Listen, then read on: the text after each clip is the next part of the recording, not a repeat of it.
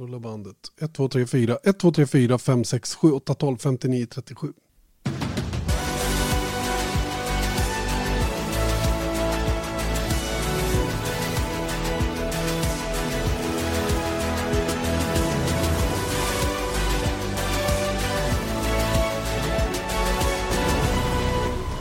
Ja, ni känner igen den vid det här laget. Vinjetten till Viaplay F1 Podcast och för första gången på väldigt, väldigt länge kan vi säga racevecka.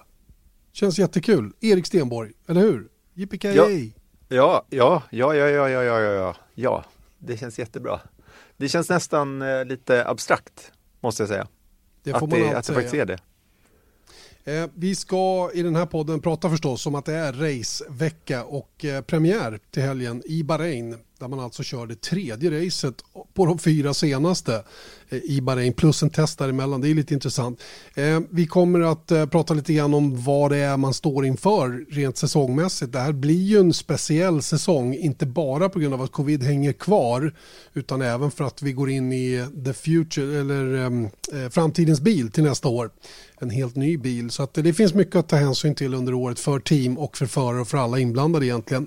Eh, sist i dagens podd ska vi uppmärksamma någonting som har blivit väldigt uppmärksammat av alla egentligen, nämligen den här eh, texten som Pierre Gasly delade med sig av eh, under gårdagen. En väldigt känslomässig, ärlig text om det som har hänt honom egentligen under det senaste ett och ett halvt året. Från det att han fick kicken ifrån Red Bull, även lite grann innan han fick kicken från Red Bull. Eh, men också eh, det som hände då Antoine Hubert, då, hans bästa kompis, som alltså omkom då tragiskt under just den här helgen när Pierre Gasly fick byta team från Red Bull till Toro Rosso. Eh, till vår hjälp att prata om det här och analysera lite grann vad han har skrivit så har vi hört av oss till Scott Mitchell, The Race, Formel 1-skribent Eh, och han har mycket intressanta synpunkter på det här. Men mer om det om ett litet tag Erik. För eh, eh, jag tycker vi ska landa lite grann som sagt att det är racevecka nu. Vi har ju gått och, och önskat det här länge. Min nedräkning som jag haft på min Instagram den började på 96 dagar och då hade vi ändå varit lediga ett tag. Mm. Men eh, å andra sidan så kan man ju konstatera då att eh, det är ju en kort off-season jämfört med, med fjolåret. Så att det får vi vara glada över. Men det, det är som som jag sa, att det känns abstrakt att de faktiskt ska börja tävla. Det känns så himla det, det är allt det här, det gamla vanliga, att man är så här van vid, både du och jag har jobbat med det här ganska länge, så att just att det ska vara på ett visst sätt. Det ska vara tester i Barcelona, det ska vara, du vet, uppladdningen känns längre än vad det gör i år, i varje fall för mig. Och då ställer jag mig frågan, för att vi, du och jag är egentligen underordnade i det avseendet och i synnerhet i, i den här podden då eftersom vi, vi pratar om teamen och själva sporten. Hur tror du teamen reagerar på den här korta omställningsperioden de har? Det har ju ändå varit ganska radikala förändringar för vissa som de måste ta itu med. Bara tre dagar. Förarna har fått en och en halv dag i bilen och nu ska de tävla. Mm.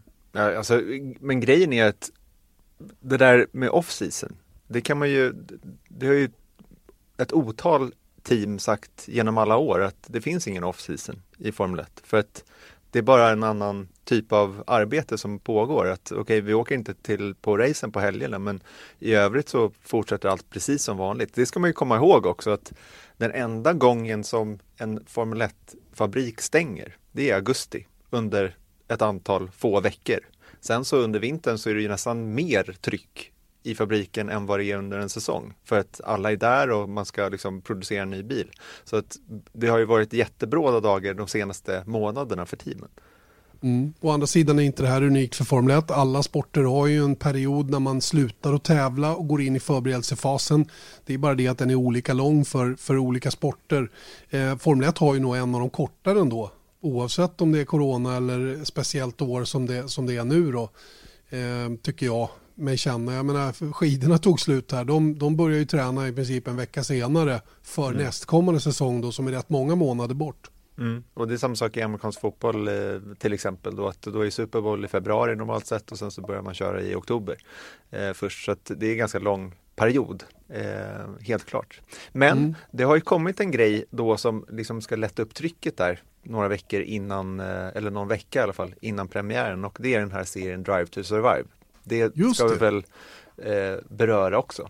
Just det, det glömde jag faktiskt att berätta i vårt lilla löp som vi hade. Drive to Survive måste vi självklart landa i. Men innan vi gör det eh, så tycker jag vi hänger fast vid Bahrains Grand Prix. Ehm, vi var där bara för en, ett par veckor sedan och tittade på försäsongstesterna. Vilket innebär att alla vi som hade möjlighet att se testerna i alla fall väldigt bekväma med bilderna man känner igen. Nu är det inte så att man inte kommer ihåg kanske men alla sitter ju inte och följer allting.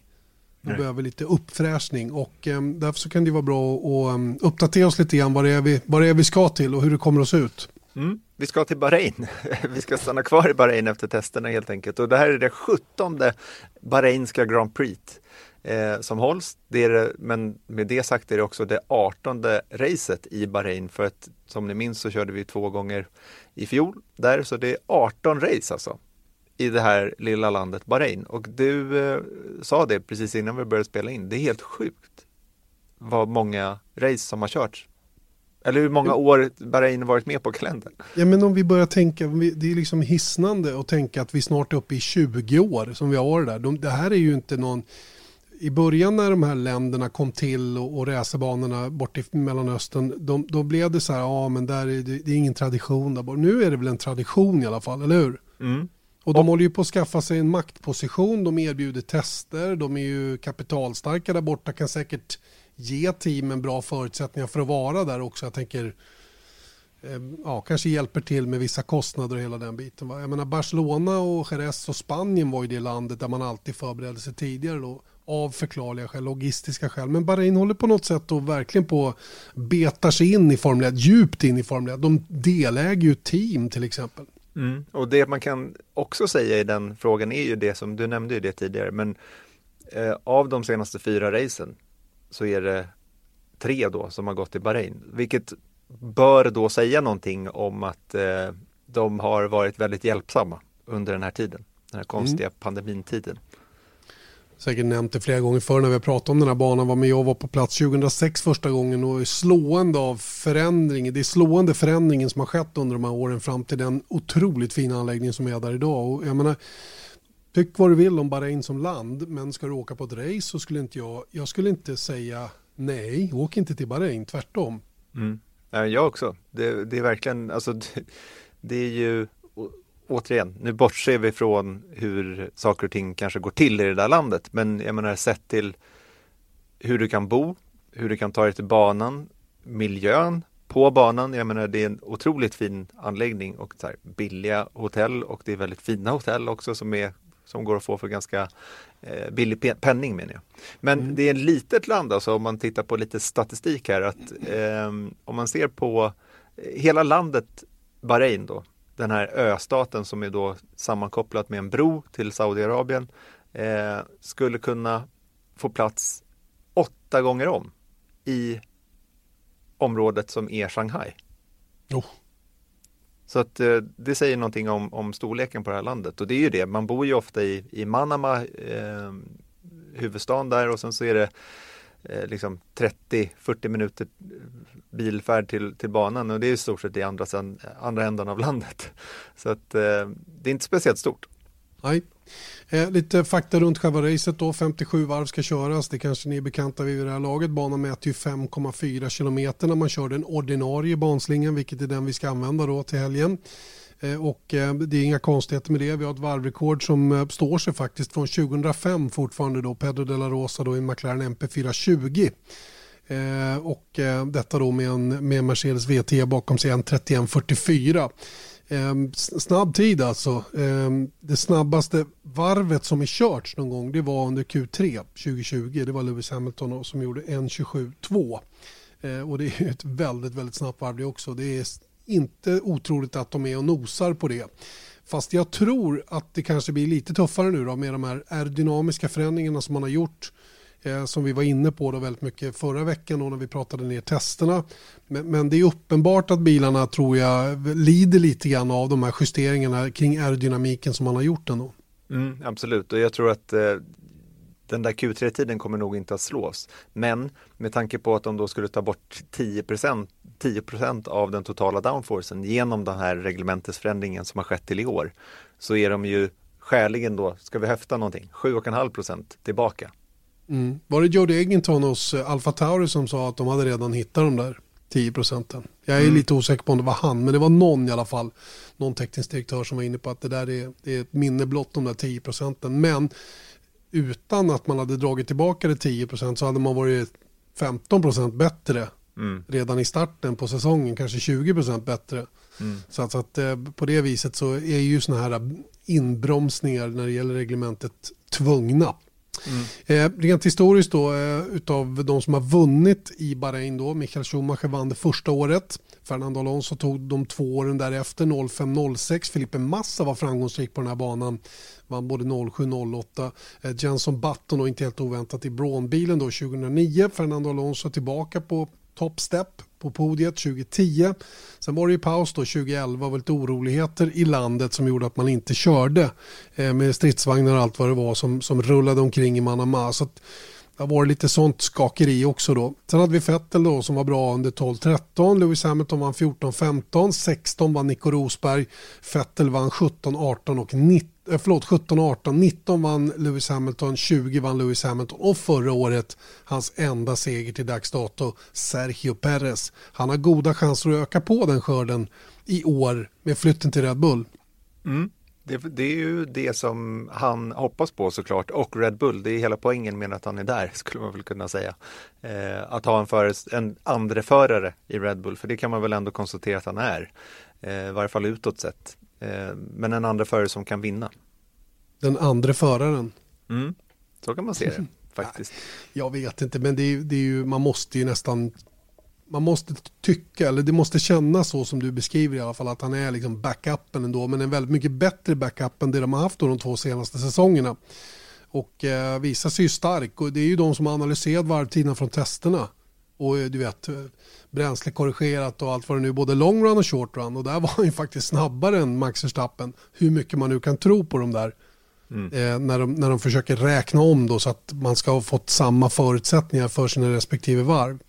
Men, men det är ingen tvekan om att han, eh, han ganska snabbt har hittat fart i den här bilen. Och även om han själv beskriver det som väldigt, väldigt stora förändringar rent körmässigt att attackera Red Bull-bilen då jämfört med vad han har kört tidigare. Mm. Du räknade upp en massa vinnare i Bahrain. Vi kan också mm. konstatera att halva griden i år har faktiskt vunnit ett Grand Prix, vilket är, eh, ganska mycket. Eh, det är alltså, vilka är det nu? Det är Hamilton, Bottas, Verstappen, Perez. Eh, som bekant så vann han ju i Bahrain förra året. Eh, Ricardo har vunnit ett race, Vettel, Alonso, Leclerc, Gasly och Räikkönen. Och det betyder alltså att eh, halva griden har stått på podiet. Det är inte ett, något form Högst av rekord. Högst upp på podiet, ja. Det är, det, det är en viktig distinktion. Eh, men tidigare så 1978 i Belgien och Spaniens Grand Prix så fanns det 15 vinnare på griden på en och samma gång det är fasen inte, det är inte dåligt alltså med tanke på hur svårt det är att vinna i Formel 1. Mm. Men jag tror att, eh, du vet, 78 där så var ju, det var, jo, vet, jo, förvisso. förvisso. Li, lite, inga... lite enklare var det nog. Men, men, men ändå liksom 15 Grand Prix-vinnare på griden samtidigt. Mm. Men 10, 10 nu för tiden är faktiskt ja, är nästan ännu mer imponerande tycker jag. Verkligen, verkligen. Um, Ja, det är om eh, Grand Prix. Jag vet inte. C2, C3, C4 är däcktyperna som, eh, som Pirelli har valt till den här helgen. Och det är också lite intressant med tanke på vad vi såg varvtidsmässigt göras då under testerna då där eh, C4 var ju det kanske mest populära däcket att göra sina kvalsimuleringar på då, men där vissa bara nöjdes med att åka C3 till exempel. Andra gick hela vägen till C5 då, det allra mjukaste. Jag tror inte vi kan förvänta oss något annat än en enstoppare förhoppningsvis två stopp men en enstoppare. De, de race-simulationer som jag såg, simuleringar heter det, som jag såg, eh, de var tvåstoppare faktiskt. Mm. Eh, och eh, vi får väl se lite grann hur de, hur de väljer att göra med, med just detta då till i år. Ehm, om de här nya däcken då som, som är framtagna till den här säsongen. Nya däck så tillvida att det är en annan konstruktion och en mer robust konstruktion testades några gånger under fjolåret. Eh, alla var inte jättenöjda med dem men det berodde ju på att bilarna var inte optimerade för just den typen av däck. Så det kändes nog lite konstigt nu när man har en bil som är byggd efter det här nya däcket i, i, till stor del så, så känns det nog lite annorlunda och jag tror att de kommer att ha nytta av att de är... Say hello to a new era of mental health care. Cerebral is here to help you achieve your mental wellness goals with professional therapy and medication management support. 100% online. You'll experience the all new Cerebral Way, an innovative approach to mental wellness designed around you.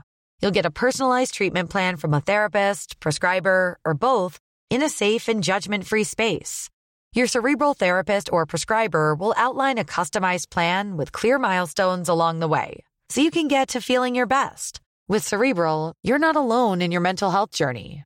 We're here to empower you to live a fulfilling life. So take that first step towards a brighter future and sign up today at cerebral.com slash podcast and use code ACasts to get 15% off your first month. Offer only valid on monthly plans. Other exclusions may apply. Offer ends July 31st, 2024. See site for details. Mindre känsliga däcken, förhoppningsvis i alla fall. Mm. Några grejer som man även ska ha med sig då när man kommer, eh, tar in i hela helgen, som, eller alla helger som, som kommer, är ju att man även, sett till förändringar till, eh, till upplägget, är ju att vi har en timme mindre träning totalt sett. Det är eh, FP1 och 2 är istället 60 minuter istället för 90 som det varit de senaste åren. Mm. Jag tittade lite grann faktiskt på depåstoppstrategierna förra året på den normala layouten och det var en tvåstoppare generellt skulle man kunna säga. Det var väldigt få som avvek ifrån det. Några gjorde till och med tre stopp, Valtteri Bottas, eh, Max Verstappen. Eh, men i övrigt så var det två stoppare som gällde då och eh, det var i de allra flesta fall då start på medium, avslutning på hårda däck. Eh, de som körde då en trestoppare då, Max Verstappen Bottas, de körde start på begagnade C3 då som de hade startat på och sen eh, körde de vidare då på, um, på hårda däck i mitten där. Bottas mm. körde en extra stint på, på medium medan um, Verstappen delade på det helt och hållet mellan medium och hard. Det var faktiskt bara Carlos Sainz som körde C4. Mm. En enstoppare var det och det var Pierre Gasly. Han körde begagnade C3 och ett set hårda däck mm. Men du, ska vi titta lite på liksom vad som väntar teamen nu? Inte bara i Bahrain utan för resten av säsongen. För det är ju en ganska speciell säsong i form av att det är den längsta i historien, i varje fall sett till vad vi tror eller vad det verkar eller vad som planeras i alla fall. Eh, så 23 race, det, det, blir en utmaning i sig för teamen. Visst blir det det och um, det har ju varit prat många år om det här med att man kanske behöver cirkulera personal um, att man inte kan ha exakt samma crew hela tiden utan man måste liksom ge dem lite andningshål här och där Eh, att man kanske har, man går runt på treskift eller någonting sånt där. Att man åtminstone på några nyckelpositioner eh, byter ut. Sen om de nyckelpositionerna är de mer fysiska arbetsuppgifterna eller om det är de ingenjörsmässiga arbetsuppgifterna. Båda är säkert jättetuffa att hålla på med när det är så här många race. Men sen är det en fråga om vad teamen tycker är viktigt och var det är viktigt att ha den fräschaste personalen någonstans. att säga. Mm. Jag, jag, är lite osäker på hur de kommer att göra. Det ska bli intressant att höra framförallt hur de, hur de ser på det när, när det väl drar igång. Och när vi börjar komma fram, vi gjorde 17 race förra året på i och för sig en väldigt komprimerad tid. Det var en kort tid. Premiären var i början på juli och slutade då i december. Nu har de ju en betydligt längre tid på sig att klämma in fem race till. Då, men det är mycket med 23 lopp, ingen tvekan. Mm. Och sen så dessutom så finns det vissa saker som vi har pratat om i många, många år. Det är ju att som faktiskt är igång nu och det är eh, den här eh, budgettaket. Man får inte spendera hur mycket pengar som helst och sen så har de även då satt igång eh, den här utvecklingsrestriktionerna, inte bara sett i budgeten utan även med vindtunnel och CFD. Det är begränsat nu i alla fall och det baseras ju då på fjolårets mästerskapsställning vilket gör att eh, Mercedes har något mindre än Williams. 90 procent får de använda då mot stipulerade 100 då, som är då eh, CFD och vindtunneltimmar. Williams som var sist får 112 procent. Eh, och det här är lite spännande för det här drabbar inte den här bilen som Nej. de ska köra i år utan det drabbar nästa års bil. Mm. Och, och det, det, där vet jag att en sån som James Allison var väldigt, han var lite putt över det där, över att den här regeln kommer in och att den, att den släpar efter, liksom att på, konsekvenserna av det går så långt in i nästa tid. Och det här är ju känsligt just med anledning av att det är en helt ny bil som ska tas fram då till 2022 och att Merca då får så pass mycket mindre Sen, sen, kan jag, där jag på min position där jag sitter, inte bedöma om det här drabbar dem egentligen praktiskt. Nej. Men på pappret ser det ju ändå ut att vara en rätt stor skillnad mellan första och sista team sett till just den där biten. Och att CFD och vindtunnel är viktigt för teamen det är väl ingen tvekan om. I synnerhet när man ska lära sig någonting nytt nu då som det handlar om för 2022. Mm. Och det, det, man kan konstatera att det antagligen kommer bli då är just att man, man får ju se lite under säsongen, hur ser det ut för teamen? För jag tror att vissa som är så här hopplöst efter, HAS, de har inte ens använt sina tokens till i år. De tror jag fokuserar redan nu till mestadels på 2022. Men vad händer liksom med en Mercedes eller en Red Bull eller en eh, McLaren som då någon gång behöver sannolikt då släppa den här bilen. Jag menar, det händer ju varje år. Jag menar, i, I fjol så talades ju ganska vitt och brett om att Mercedes slutade utveckla sin bil lagom till Belgien. Men det byggde ju på att de var så himla överlägsna. Så att de kalkylerade väl med att ja, men, eh, kalkylerade väl med att eh, vi kommer kunna sy ihop det här trots eh, att vi slutar utveckla det. Visst, och de kunde ju också då börja lägga resurser på 2022 redan då. För eftersom de visste då att de skulle bli begränsade från vad det nu var. Jag kommer inte ihåg vilket datum det är exakt när, när det där slog, i, slog in så att säga. Då, att de inte får mer än 90% av tillåtna timmar. Eh, men, men det var ju ett smart drag av dem naturligtvis och en disponeringsfråga som de, jag tror jag jobbar väldigt mycket med. Och vi lyssnade kanske, många av er har i alla fall hört vad Toto Wolf sa då under det att man lanserade bilen. Och då, han pratar ju oerhört mycket om hur mycket de nu håller på och trimmar organisationen, effektiviserar organisationen och att de redan nu ser vinster med att budgettaket faktiskt införs i det avseendet att man, man kan tvätta sin organisation lite grann. Det har nog varit mycket så här, det har varit mycket mängd mm. och inte alltid till 100% bara kvalitet utan det var, det var liksom bättre att kladda på många ställen. Nu, får, nu blir de i och för sig tvungna då att välja lite mera, vara bättre selektiva och, och, och, och vara mer noggranna kan man väl säga då med var och hur de spenderar sina pengar. Mm. Absolut, men det, det, är en spännande grej här nu för att, att se liksom hur, hur länge hänger man på. Det tror jag bygger väldigt mycket på hur man värderar den här säsongen kontra nästa och nästa och nästa. För att det är det som är grejen också. Man, det är ju en superrisk att hänga kvar för länge vid den här säsongen. För att det kan få effekter i många, många år därefter eftersom eh, möjligheterna att köra vindtunnel och allt vad det är nu minskar ju högre upp du kommer och liksom hamnar du på sniskan in i nästa reglemente, det som introduceras 2022, så, så eh, då kan vi snacka tre år som är liksom bortslösade nästan. Mm. Ett hypotetiskt scenario då. Eh, ponera att ett team som Aston Martin fram till sommaruppehållet är ligger eh, trea och har hugg på andra platsen i VM. Mm. Hur ska de göra? Mm. Ska, ska de ge upp? Mm. Eh, eh, och, och liksom slotta in sig i ledet och nöja sig med en tredje plats som, som är kanske det bästa de egentligen kan.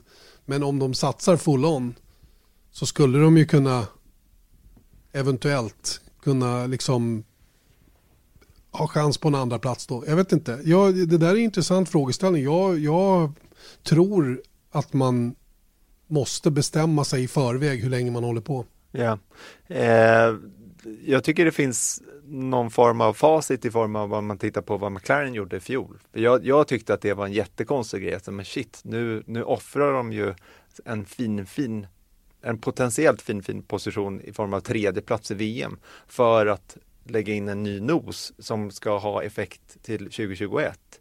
Men i slutändan så blev det ju någonting som blev ganska bra för dem för de säkrade sin tredjeplats i alla fall och nu ser långt mycket bättre ut eh, 2021 med tanke på att de behövde använda sina tokens till, eh, till att eh, byta motor. Så att mm. det, det, jag tror antagligen så är det väl en sån där grej som, som är att man eh, eh, man får ta det lite som det kommer och man får avgöra beroende på hur det ser ut där och då. Men det, men det kräver starkt ledarskapet och en vision framåt. Mm. Det är inte alla som klarar det, att se så långt in i tiden, att vara beredd på olika scenarier och att när det är crunch time, verkligen dags att bestämma sig, hur ska vi göra? Mm. Det får vi se och det är precis det som ska bli så himla, himla spännande den här säsongen. Nu tänkte jag att vi skulle prata om någonting helt annat, nämligen det faktum att eh, många av er har kunnat läsa att Pierre Gasly eh, presenterade en text som han hade skrivit igår, en väldigt eh, känslomässig text som handlade om eh, allt som han har varit med om det senaste ett och ett halvt året ungefär då, från det faktum att han blev av eh, med körningen då i Red Bull eh, ungefär samtidigt då som en av hans absolut bästa vänner då Antoine Hubert gick bort. Eh, han berättade bland annat om den, den tragiska händelsen men också om hur det gick till lite grann då när han fick lämna Red Bull och även hur det var i Red Bull. För att gå lite grann på djupet av det här så har vi tagit kontakt med Scott Mitchell, journalist på The Race. Scott, you read the piece Pierre wrote. What's your initial reaction? Uh, I'm not surprised it's had such a positive response um, and quite emotional response from from a lot of people because we don't really you just don't quite see that side of drivers in, in that much detail. And you know, Pierre was very upfront uh, with the piece, saying, you know, this is this is my truth. This is this is the truth as I uh, as I see it. And you can like like with anything like this, it's it's one person's version of events. There are a couple of things in the piece where you can sort of take issue a little bit with and be like, okay, well, that's how he sees it, but you have to just respect that that's how he sees it. It's not really a it's not really a case of trying to you know poke holes in his version of of the story. What was what was really striking to me was just sort of really getting an understanding of what he went through and and, and how that was still hanging over him um, a, a, year later. I think. Um, I think, and I, I, sort of said this after I, I, I read it. I just think we were all a bit guilty of quite quickly forgetting what had happened to him in 2019. We were very, very happy to use it as a, uh, I guess, like a frame of reference for how good his 2020 was. And you know, the in in the new series of Drive to Survive, there's an episode on him which is called the Comeback Kid, and that was it. He is it was the comeback story of 2020. It was amazing, but I think we all kind of forgot exactly what he'd gone through. I don't think we actually ever knew properly how much he'd gone through, and that's why this piece was so so striking because it just gave you that insight and that honesty that you just you just don't you just don't get any any other time. What struck me was his relationship with Antoine Hubert, which was very very strong. They grew up together. They they were super good friends, and and uh, um, in the shadow of the events that uh, that happened with Antoine Hubert when he when he tragically died in the in the crash at, at Spa, you you sort of um, you you also see how strong Pierre is as a person to to get back from all this and and somehow carry carry some strength out of it. Yeah, well, I think um, I think we all sort of associate that the 2019 Belgian Grand Prix as the, the the, turning point in Pierre's career, or the sort of division between what he was like at Red Bull and what we know of him now, which is this guy who's just going from strength to strength on track. And and that weekend, because it was his first one back at Toro Rosso, that weekend is the obvious dividing point. That's where okay that's where new Pierre started and old Pierre ended with the end of Red Bull. But he, in his article, points out quite beautifully that that that was that sucked and that was something in the background that really upset him. But the thing that changed him was Hubert's death. That's the point where he thinks the old Pierre wasn't around anymore, and then a new Pierre was born. Basically, he he he had to find a way to to to, to cope, and I I think reading it back, and it's always the case when you read something or or you reflect on something a, a little while after the fact. I couldn't help but I couldn't help but be sort of struck by how strong the feeling was of oh man, this guy had two absolute gut punches in quick succession. Like either one of those would be enough to destroy him as a driver and seriously hurt him as a person you know, working so hard to get to, to the point where he felt worthy of a Red Bull seat, being promised all of the time in the world, and then being dropped six months later back to a midfield team. You never know if your career is going to recover from that. That, as Daniel Kvyat proved, that on its own is enough to completely destroy a driver.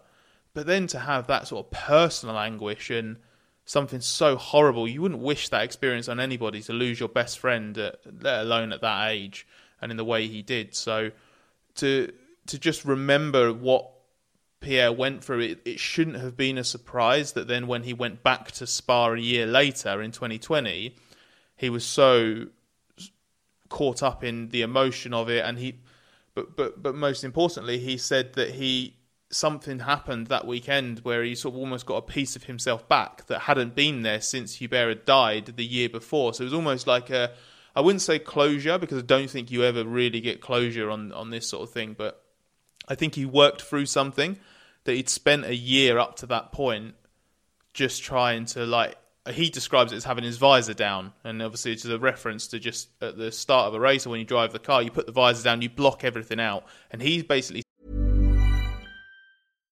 Here's a cool fact: a crocodile can't stick out its tongue. Another cool fact: you can get short-term health insurance for a month or just under a year in some states. United Healthcare short term insurance plans are designed for people who are between jobs, coming off their parents' plan, or turning a side hustle into a full time gig. Underwritten by Golden Rule Insurance Company, they offer flexible, budget friendly coverage with access to a nationwide network of doctors and hospitals. Get more cool facts about United Healthcare short term plans at uh1.com. Say hello to a new era of mental health care. Cerebral is here to help you achieve your mental wellness goals with professional therapy and medication management support. 100% online. You'll experience the all new Cerebral Way, an innovative approach to mental wellness designed around you. You'll get a personalized treatment plan from a therapist, prescriber, or both in a safe and judgment free space. Your cerebral therapist or prescriber will outline a customized plan with clear milestones along the way so you can get to feeling your best. With Cerebral, you're not alone in your mental health journey. We're here to empower you to live a fulfilling life. So take that first step towards a brighter future and sign up today at cerebral.com slash podcast and use code ACasts to get 15% off your first month. Offer only valid on monthly plans. Other exclusions may apply. Offer ends July 31st, 2024. See site for details.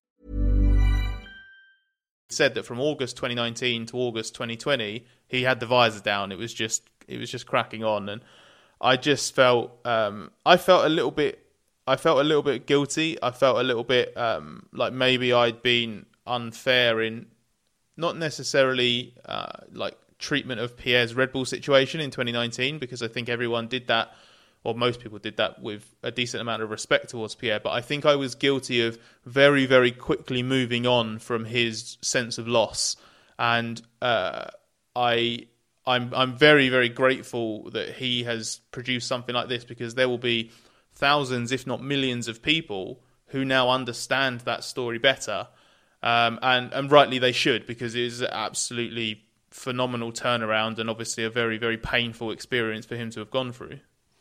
If we back up in time a little bit to to the start of his of his um, of his period together with Red Bull, he had a very very tough start. And and when you read what he how he describes the the, the time in Red Bull, it seems that he never he thinks that he never endured any any support from the team. Uh, but it, we have to remember it started with two crashes during the first test, and we all sort of think um, how is this going to end with with, yeah. with that kind of start and he and he also blames media a bit for not being sticking up for him yeah he's um I've always had the sense from Pierre that he's very much one of those people who thinks you're either with him or against him and I, we're all like that. We're all like that to a to a degree. We obviously like people who fight our corner, and we don't like people who, who try to pull the rug from underneath us. So I, I understand that, but Pierre has always been a little bit more sort of to the extreme. I think that's why he's he's so effective at what was Toro Rosso and is now AlphaTauri because he's been there so long and he has so many great experiences with them and he did so much for that team when he was first there that there's just a huge amount of trust and affection. He believes that that team will do everything for him and he believes he has the environment to to to, to star in. And I don't think, and I think this article proves it, he ever felt that at Red Bull. I don't think he ever fully had 100% of Red Bull's trust. It goes a really long way back. When he was when he was first in Formula Renault, I think it was, he got overlooked by Red Bull to join the to, to, to join the junior program. Uh, he had to then win the win the title, I think, the following year to actually can finally convince them to take him on. Um, and then you know he had a difficult, uh, or let's say unspectacular Formula Renault 3.5 season, but did go on to win the GP2 title, the only Red Bull Junior to have won that feeder series and got shipped to Japan instead of being put into Formula One with Toro Rosso, which was inexplicable when you think of uh, the fact that they kept Kvyat on, who had underperformed massively after being put back to Toro Rosso. They kept him on. Um, and then finally, Gasly got his chance, and then was obviously fast tracked to Red Bull. They didn't want him in Red Bull Racing. He was put there because Daniel Ricciardo had left. And yeah, they could have gone outside of the pool. They could have done what they've done for 2021 and hired someone like Sergio Perez if they didn't, you know, trust Pierre to a degree. But just because they trusted him enough to put him in the car doesn't mean they gave him 100%. So I think there was always this element of doubt. And then he crashes the first time in preseason. So you think, oh, well, that's no help. But then the second crash, uh, if I remember it correctly, Red Bull was short on spares at the end, towards the end of, I think that was the it was the end of February test, and he was told don't crash. They were both told don't crash. We don't have a lot of spares. He had a huge one. I think that was the Kampsa crash, wasn't it, at Barcelona? Like the really high speed yeah. one. Up uh, in like, turn nine, yeah. Yeah, really. You you don't have small crashes there. So that was really bad. That really damaged his it damaged his confidence, but it also damaged some of the faith that the team had in him. And then once the season got started, he talked about how much he wanted it to work and how hard he was trying to make it work and how he was trying to offer solutions and felt he wasn't being listened to. I completely believe him. I completely believe that he was saying, I need this, this, this, please do this, can we try this? But I've heard the other side of the story as well, and I'm not going to pick sides and say who I believe most, but the other side of the story is that Pierre couldn't focus on the right things. They'd go to one track and he'd have a weakness to Verstappen in uh, a few corners that added up to an overall time loss, but he was focusing on one specific handling characteristic because in the car he was feeling a particular struggle at one corner. So he was focusing on trying to improve one corner instead of trying to improve the overall lap time. And then there are there's other examples about him requesting multiple seats in the space of uh, a few weeks because he said he didn't feel comfortable and none of this is necessarily unreasonable on its own but I just I just think he he, he because he wasn't getting the results on track as well um, and I think a little bit because of that, you know, with me or against me attitude, I think he alienated himself a little bit in the team. And because of just that pre existing lack of faith, is probably the best way to put it, it just meant that no, like, at least the decision makers weren't willing to give him the sort of time that he needed. And you, depending on how you view Formula One, you can decide whether you think that's fair or not. I personally think F1's incredibly cutthroat, and I like to talk up the work ethic and mentality that's required to be an absolute top driver and use everything at your disposal and make sure that you don't leave anything on the table.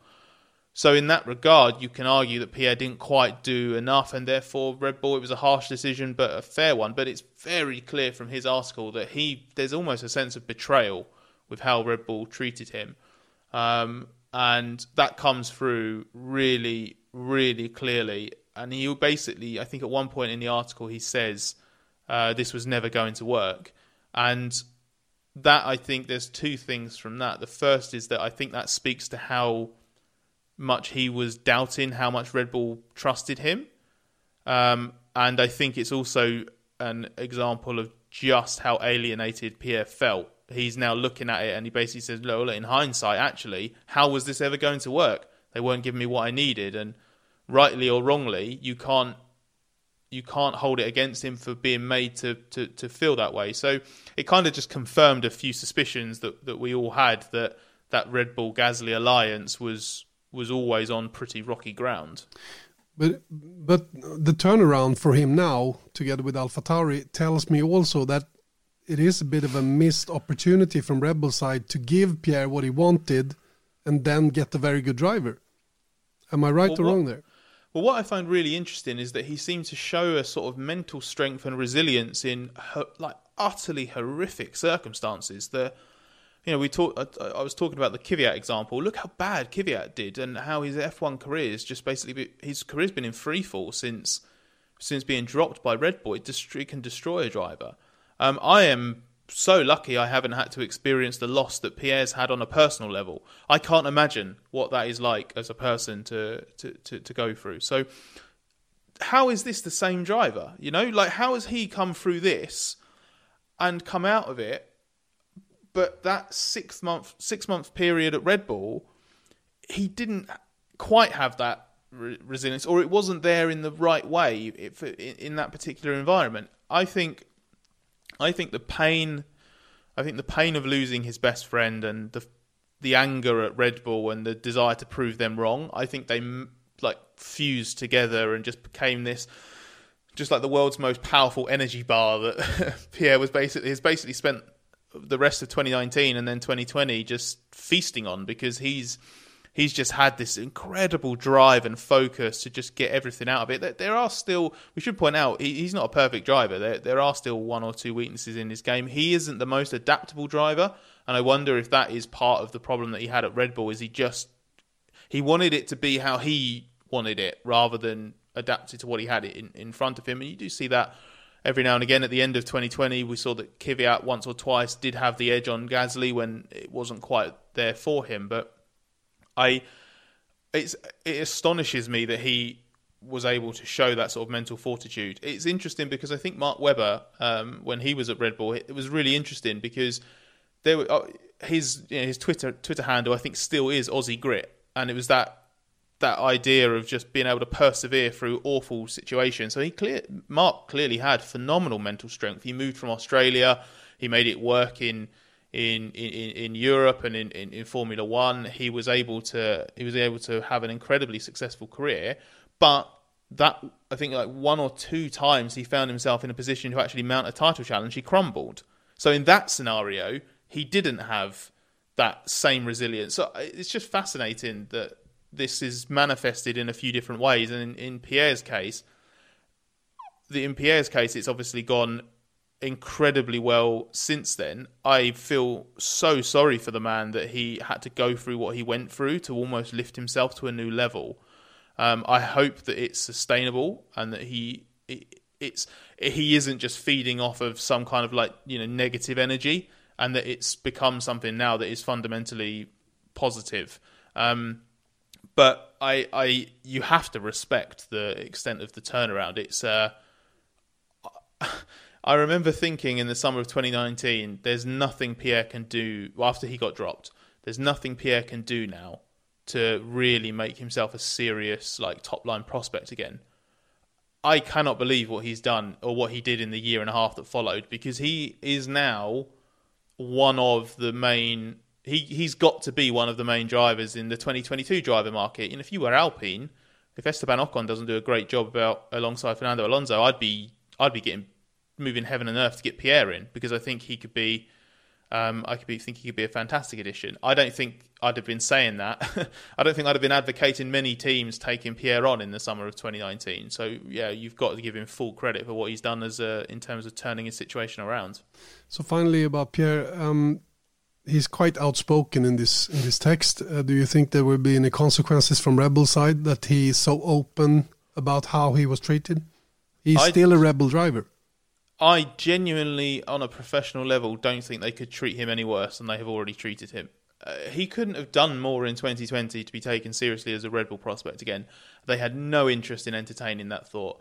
Um, I I'm not going to. I need to be careful because I don't want to give away any like Drive to Survive spoilers in case people are listening. But his episode in Netflix is a very good insight into what how Red Bull viewed his prospects last summer and how Pierre viewed his prospects last summer. I think I think it's pretty clear from how you read what Pierre writes and everything he says now that he was of the belief that the job he was doing in 2020 was the best job possible and therefore had to be on merit because, after all, he lost his seat to Albon supposedly on competitive uh, merit in 2019. So, surely roles reversed, Pierre's got to get the call up again. But he he was snubbed. There's no other way of putting it. He was snubbed. They they, they could have taken him on. They didn't. They had no interest in, in taking him on. They've said, no, you're doing a good job at AlphaTauri they like you, they want you, we don't, so you can stay there. Now, that works for Pierre in the short term, but he knows that beyond this year, he has to seriously think about what team he wants to be aligned to. There is a possibility that as Red Bull's sister team, with the cost cap in place and the way that AlphaTauri works, it could be very, very well placed to to to be a a good a good team in F1's supposed new era from 2022. The sort of team that okay, it's still only a consistent points finisher, but maybe there's a podium every now and again. Um, and Gasly might think I, I fancy leading this because I love this team. They love me. I'm really close here. He doesn't drive for Scuderia Toro Rosso anymore. There's no, there's, it's not the Red Bull on the car. It's, it's the Alpha Tauri stuff on the car. There's a step, there's a disconnect now in terms of the branding. Um, he might feel comfortable doing that, but just the way Red Bull treated him, have treated him, it's pretty clear that they've got no designs on him as a driver for Red Bull Racing. He's an Alpha Tauri driver now, as far as I see it, rather than a Red Bull driver. So what are they and, and, what are they going to do? Are they going to are they going to rob the sister team of the best available driver in Formula One's midfield? No one else. They're not going to get anyone else. There's no other Red Bull Junior to put in that seat that will do as good a job as Gasly's done. So I like that he's found his voice. I like that he's turned around. He he says he doesn't want to cause any. He doesn't want to go into the media to stir stuff up with Red Bull or try and do anything like that. But I like that he's not holding back. He was he was treated poorly last year. I actually think he was treated worse last year than he was in 2019 when he got dropped. Um, so I like that he's taking no prisoners and he's just sort of saying, well, do you know what? If you're going to treat me like this, I'm going to call you out on it because I am now happy with where I am. He's sort of made peace with himself. Um, and he's just got this little, he's got this bit of confidence where he's just like, I'm not going to take this anymore. And I, and I massively respect that. Scott Mitchell där alltså om eh, Pierre Gasly och eh, den här eh, inte så roliga situationen som Pierre Gasly hamnade i. Eh, men som han har vänt till någonting positivt. Och um, Erik, man, man slås ju av att hur ärlig han var i det här han skrev. Vilket är oerhört ovanligt i Formel 1. Jag menar du och jag har ju varit rätt så in i smeten i rätt många år och vet i många fall mer än vad, vad, vad som går att avslöja eftersom ingen kan bekräfta det. Och då kan ju inte vi heller göra det. Va? Utan och det, det, där är, det tycker jag var intressant med, med hela den här storyn som, som Gasly bjöd på här. Mm, ja men verkligen och det, det, är ju nästan så här, det här är en sån där grej som kommer från en förare som har lämnat Formel 1.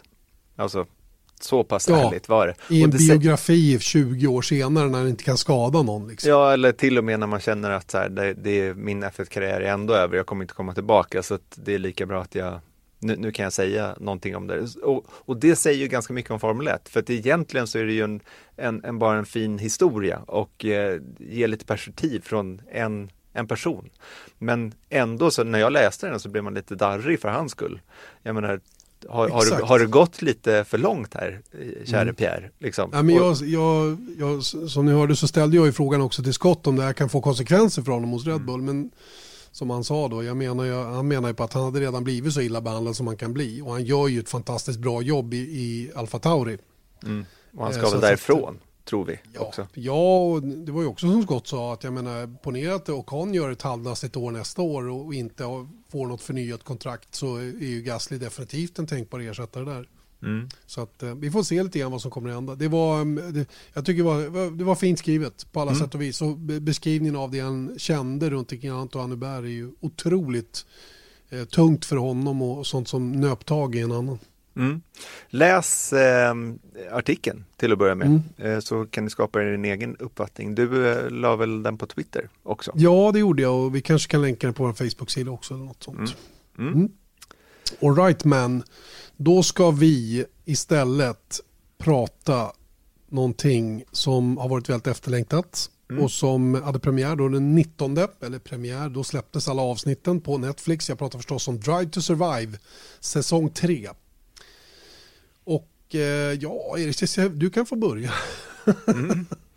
Nej, men jag har tittat på det här så att jag, eh, jag eh, har lite, lite åsikter och jag vill först komma och säga att det här är från min synvinkel såklart. Jag, eh, och vi kan komma tillbaka till, till att jag ändå tror att den här serien är väldigt bra för Formel 1. Jag menar, det, eller det är odiskutabelt så att Drive to Survive har liksom givit Formel 1 väldigt mycket i form av nya fans och nytt intresse och allting vad det är. Och det jag vill säga är att det, det bra med den här serien, det är ju tillgången till insidan som Netflix fått. Vi, vi må känna till många av eh, historierna som liksom presenteras här.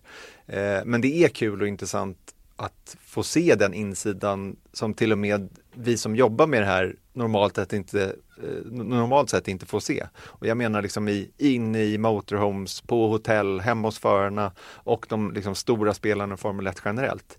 I, i garagen och fabriker. Och, och det är kul att få träffa Lawrence Stroll. Jag har inte liksom sett så mycket av honom förutom att man ser att han liksom oscillerar runt i, i depån. Men just att höra honom uttrycka sig och få en kanske bättre för, förståelse om vem han är. Det är Vi kul får 15 att... minuter. Ja, men Ni precis. får 15 minuter, sen drar ja, jag. Exakt, men det är ju en typisk kul grej att få se. Och sen så är det kul att se Ottmar Safnauer vara nervös över sin kostym. Det är spännande att se hur liksom snacket går runt covid-19 under testen i Australien. För det är väl någonting som slog mig verkligen att att eh, vilken skillnad det var under testerna. Att det var så här, ja, det, det, det, existerar här men vi vet inte alls hur vi ska bete oss. Och det, var, det följde ju med in i Australien också.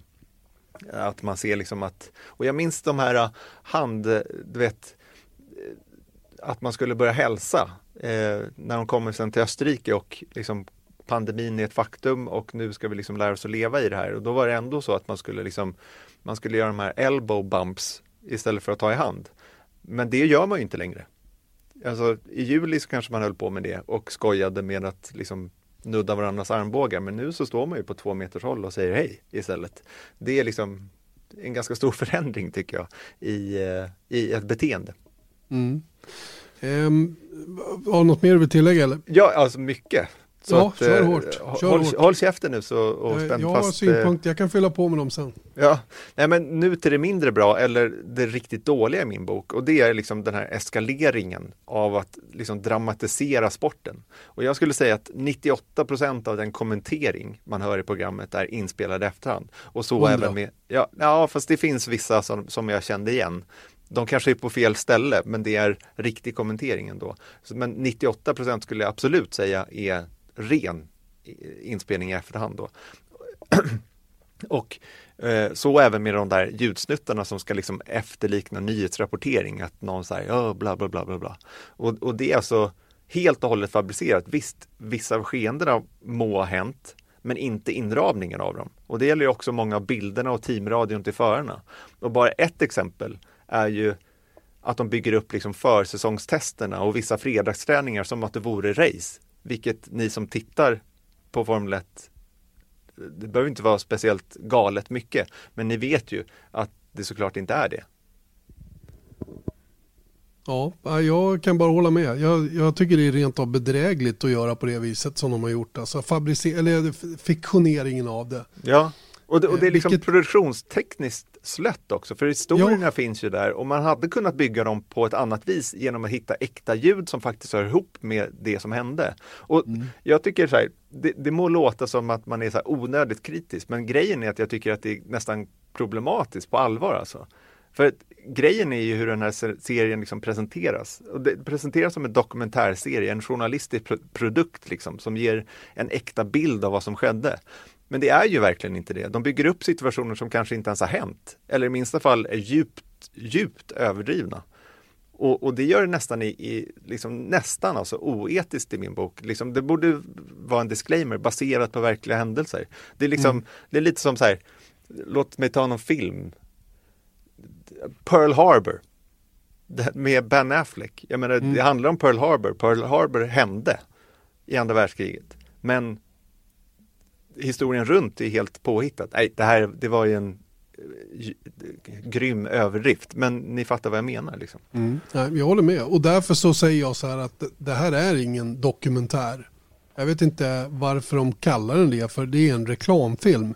Mm. Och i sitt syfte som reklamfilm så gör den absolut jobbet. Den är en fantastisk produktion snyggt redigerad, överproducerad skulle jag säga. Det är ljudeffekter, det är det ena med det tredje.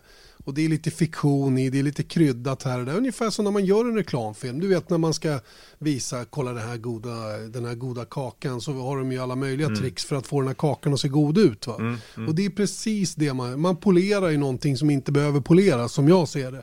Men det faktum att den är nummer ett i världen mm. utav serier just nu på Netflix säger allt. Mm. Det finns ingen anledning för mig eller egentligen någon annan sådär och sitta och vara bajsnödig från ovan och tycka att fan ditten och datten va. Men då ska den också levereras till mig som det den är. Och det tycker mm. jag inte de gör. Och det är det som jag har problem med. Mm. Och, och, jag menar läs runt från fans rent allmänt eller människor som är mer än average intresserade så är de ju lite less på att det är på det här viset. Sen har ju de box to box som har gjort den här haft ett tufft år med, med coronan. Det har man inte haft samma access på det viset. Jag har hört synpunkter på att det har varit mycket utfyllnad av eh, racebilder och sådana grejer då, snarare än sånt. Och det är sånt ska man hålla ner till ett minimum. Det är ju det andra vi vill se. Mm. Bilar racea på banan, det ser vi ju varenda helg. Mm. Så, så att eh, de, de, har inte riktigt nått ända in i mål. Va? Men, men återigen, beställningen från Formel 1 var ju att göra någonting som drar in ny och helst yngre publik och en annan publik. Mm. Och fasen vad de gör det. Mm. Herregud vad man får reaktioner på den här Drive to Survive. Så, så att eh, den som reklamfilm 10 av 10, som dokumentär 2 av 10. Mm. Ja, det är, väl, det är väl ungefär det man, det man kan säga. Men sen så kan jag tycka, och det kanske har med eh, liksom covid restriktioner och allting sånt där. Men det är vissa grejer som jag tycker att de har totalt då. Och nu sitter jag här som tv-man och jag vill inte på något sätt liksom sparka eh, på produkten de har gjort sett till liksom eh, kvaliteten på det, sett till liksom hur det ser ut och allting sånt där. Och som du säger, det är en av de stora serierna i världen och det är helt jäkla otroligt egentligen. Så det måste man ju verkligen ge dem en eloge för. Men jag tycker till exempel att de har missat en hel del, eh, alltså förvånande mycket som de har missat. Till exempel då hela Black Lives Matter-frågan som, som ju var en stor grej inför eh, premiären i, i Österrike att de skulle göra den här manifestationen. Man kanske Vem inte missat göra... den, eller vad säger du? Nej men exakt, men det, det, jag tycker att det är, ett, eh, det är också ett exempel på att det är en bild som man vill presentera, inte en verklig bild som, som, eh, som tittarna får se, vare sig man vill mm. eller inte. Mm. Eh, de hoppade i praktiken över Russells inhopp i Bahrain. Konstigt tycker jag. Mycket, mycket konstigt. Ett av de bästa racen på säsongen, Turkiet, knappt med. Alltså det är med men eh, de fördjupar sig aldrig i det, det racet heller. Så att det, det ja, jag håller med din analys där. 10 av 10 som, som en reklamfilm men 2 av 10 som en dokumentär. För jag tycker faktiskt att eh, ja, nästan oetiskt alltså, tycker mm. jag. Och eh, det finns saker som, som kanske förklarar också varför det är som det är. Som till exempel att de är inte jättemånga som gör den här. Gänget som gör Drive to Survive, de är inte, jag menar i den bästa av världar hade de haft ett crew på varje team hela mm. tiden. Så att man hade fått med precis alla skeenden. Eh, ja. men, men det är ju en kostnadsfråga och det, det, har de inte fått pengar till så att säga. Och därför så, så, funkar inte det. Utan då har de fått välja då att fokusera på ett team en helg, ett team en annan helg och så vidare. Och då missar man naturligtvis massa grejer som man då inte inne får med. Men jag tror att man skulle kunna lösa mycket ändå om man bara alltså, ansträngde sig lite. För jag saknar också, jag tycker precis som du att de har varit lite lata rent av. Eh, eller tidspressade eller vad man nu ska säga. Jag, jag, jag vet inte riktigt. Ja, men Russells inhopp i Mercedes borde ju ha fått men, ett, ett, eget avsnitt. Alltså, självklart. självklart. Så det, det, tycker jag är en, en, en blunder. Men, men grejen är så här, där har vi också en, en, en grej i det här. Och det tycker jag i alla fall att man ska ha med sig in. Oavsett vad man tycker om det här eller oavsett vad man tycker om, om vad vi har sagt nu. Det är ju bara att så här, vilka betalar för det? Och det här är ju också en trend inom sportdokumentärer. Jag vet att eh, till exempel den här The Last Dance som följer Michael Jordans eh, år i, i, Chicago Bulls, vilket är en sjukt bra dokumentär. Men det man ska veta är ju att det är också Michael Jordans produktionsbolag som har gjort den. Så det är klart att det gör ju också jag, jag skulle kunna gissa att, man, att bilden som man får tweakas tack vare det. Och det är samma på sak ungefär här. samma sätt. Ja, exakt. Och hade vi vetat något om basketen på samma sätt som vi vet om Formel 1 så hade vi förmodligen suttit med liknande synpunkter. Ja, i alla fall liksom att här, man kanske inte hör alla. Att det är Michael Jordan som får sista ordet kan man konstatera. Men, men eh, eh, ja, det är hans synvinkel på saker mm. och ting och det här är Formel 1 synvinkel på saker och ingenting annat. Men eh, summan av kardemumman är njut av Drive to Survive. Det är en, det är liksom, men det är en, det är en, bra, det är, det är en bra produkt. Va? Men jag vill att eh, ni som lyssnar på podden i alla fall och inte sett den ännu ska veta vad det egentligen handlar om om man nu litar på vårat ord så att säga. Va? Men, mm. men det, är, det, är en, det är en ordentligt friserad eh, variant utav verkligheten i Formel 1 i alla fall som Drive to Survive erbjuder. Yes, men nu behöver vi inte fundera på det något mer för nu är det bara några dagar kvar innan de linar upp sig i depån för att köra ut på första träningen. Har vi några tider? 12.25 12 12 första träningen. Det är det enda ni behöver hålla koll på. Sätt er vid tvn då så tar jag hand om resten och mm. påminner mm. om resten. Sen lovar jag att på våra sociala medier, via Plays sociala medier så kommer alla tider att finnas. Eh, det pumpas rätt hårt nu på vår eh, sociala medieredaktion. De kämpar på nu för att sprida budskapet. Mm. Eh, och, eh, jag var och bytte sommardäck på en av bilarna nu och killen som jobbar där inne han var vansinnigt intresserad av Formel 1 så vi stod en bra stund och, och gaggade lite grann. Dessförinnan hade jag hämtat bilen från en annan verkstad för den hade en, en, någonting som behövde fixas. Och där var det också, den där rösten känner man igen. Jag har kollat på Formel 1 hela mitt liv. Så det är liksom, man hör att det, det liksom bubblar lite där ute i stugorna. Mm. Kul, Hoppas att du gör det efter ett fantastiskt Bahrainskt Grand Prix också. Eller hur? Eller hur? Eh, kan du avslöja något vad som händer i tv? Förutom ja. den nya studion du avslöjade senast. Ja, det är väl det, det, det är den vi jobbar med. Dag fyra av testerna. Som sagt har vi mer tester på vår nya studio än Men, vad F-teamen har på bilen. Nu har du gnällt på det journalistiska innehållet i Drive to Survive, så något journalistiskt innehåll har vi väl? Ja, vi ska titta på alla nyheter inför bra. den här säsongen. På ett lite innovativt sätt, hoppas jag. Mycket bra, toppen, underbart Erik, tack snälla och jag vet att du, din, dyr, din tid är dyrbar just nu så att jag släpper dig. Eh, ni som lyssnar på podden, vi hörs om en vecka igen. Ha det gott, hej då! Hej då!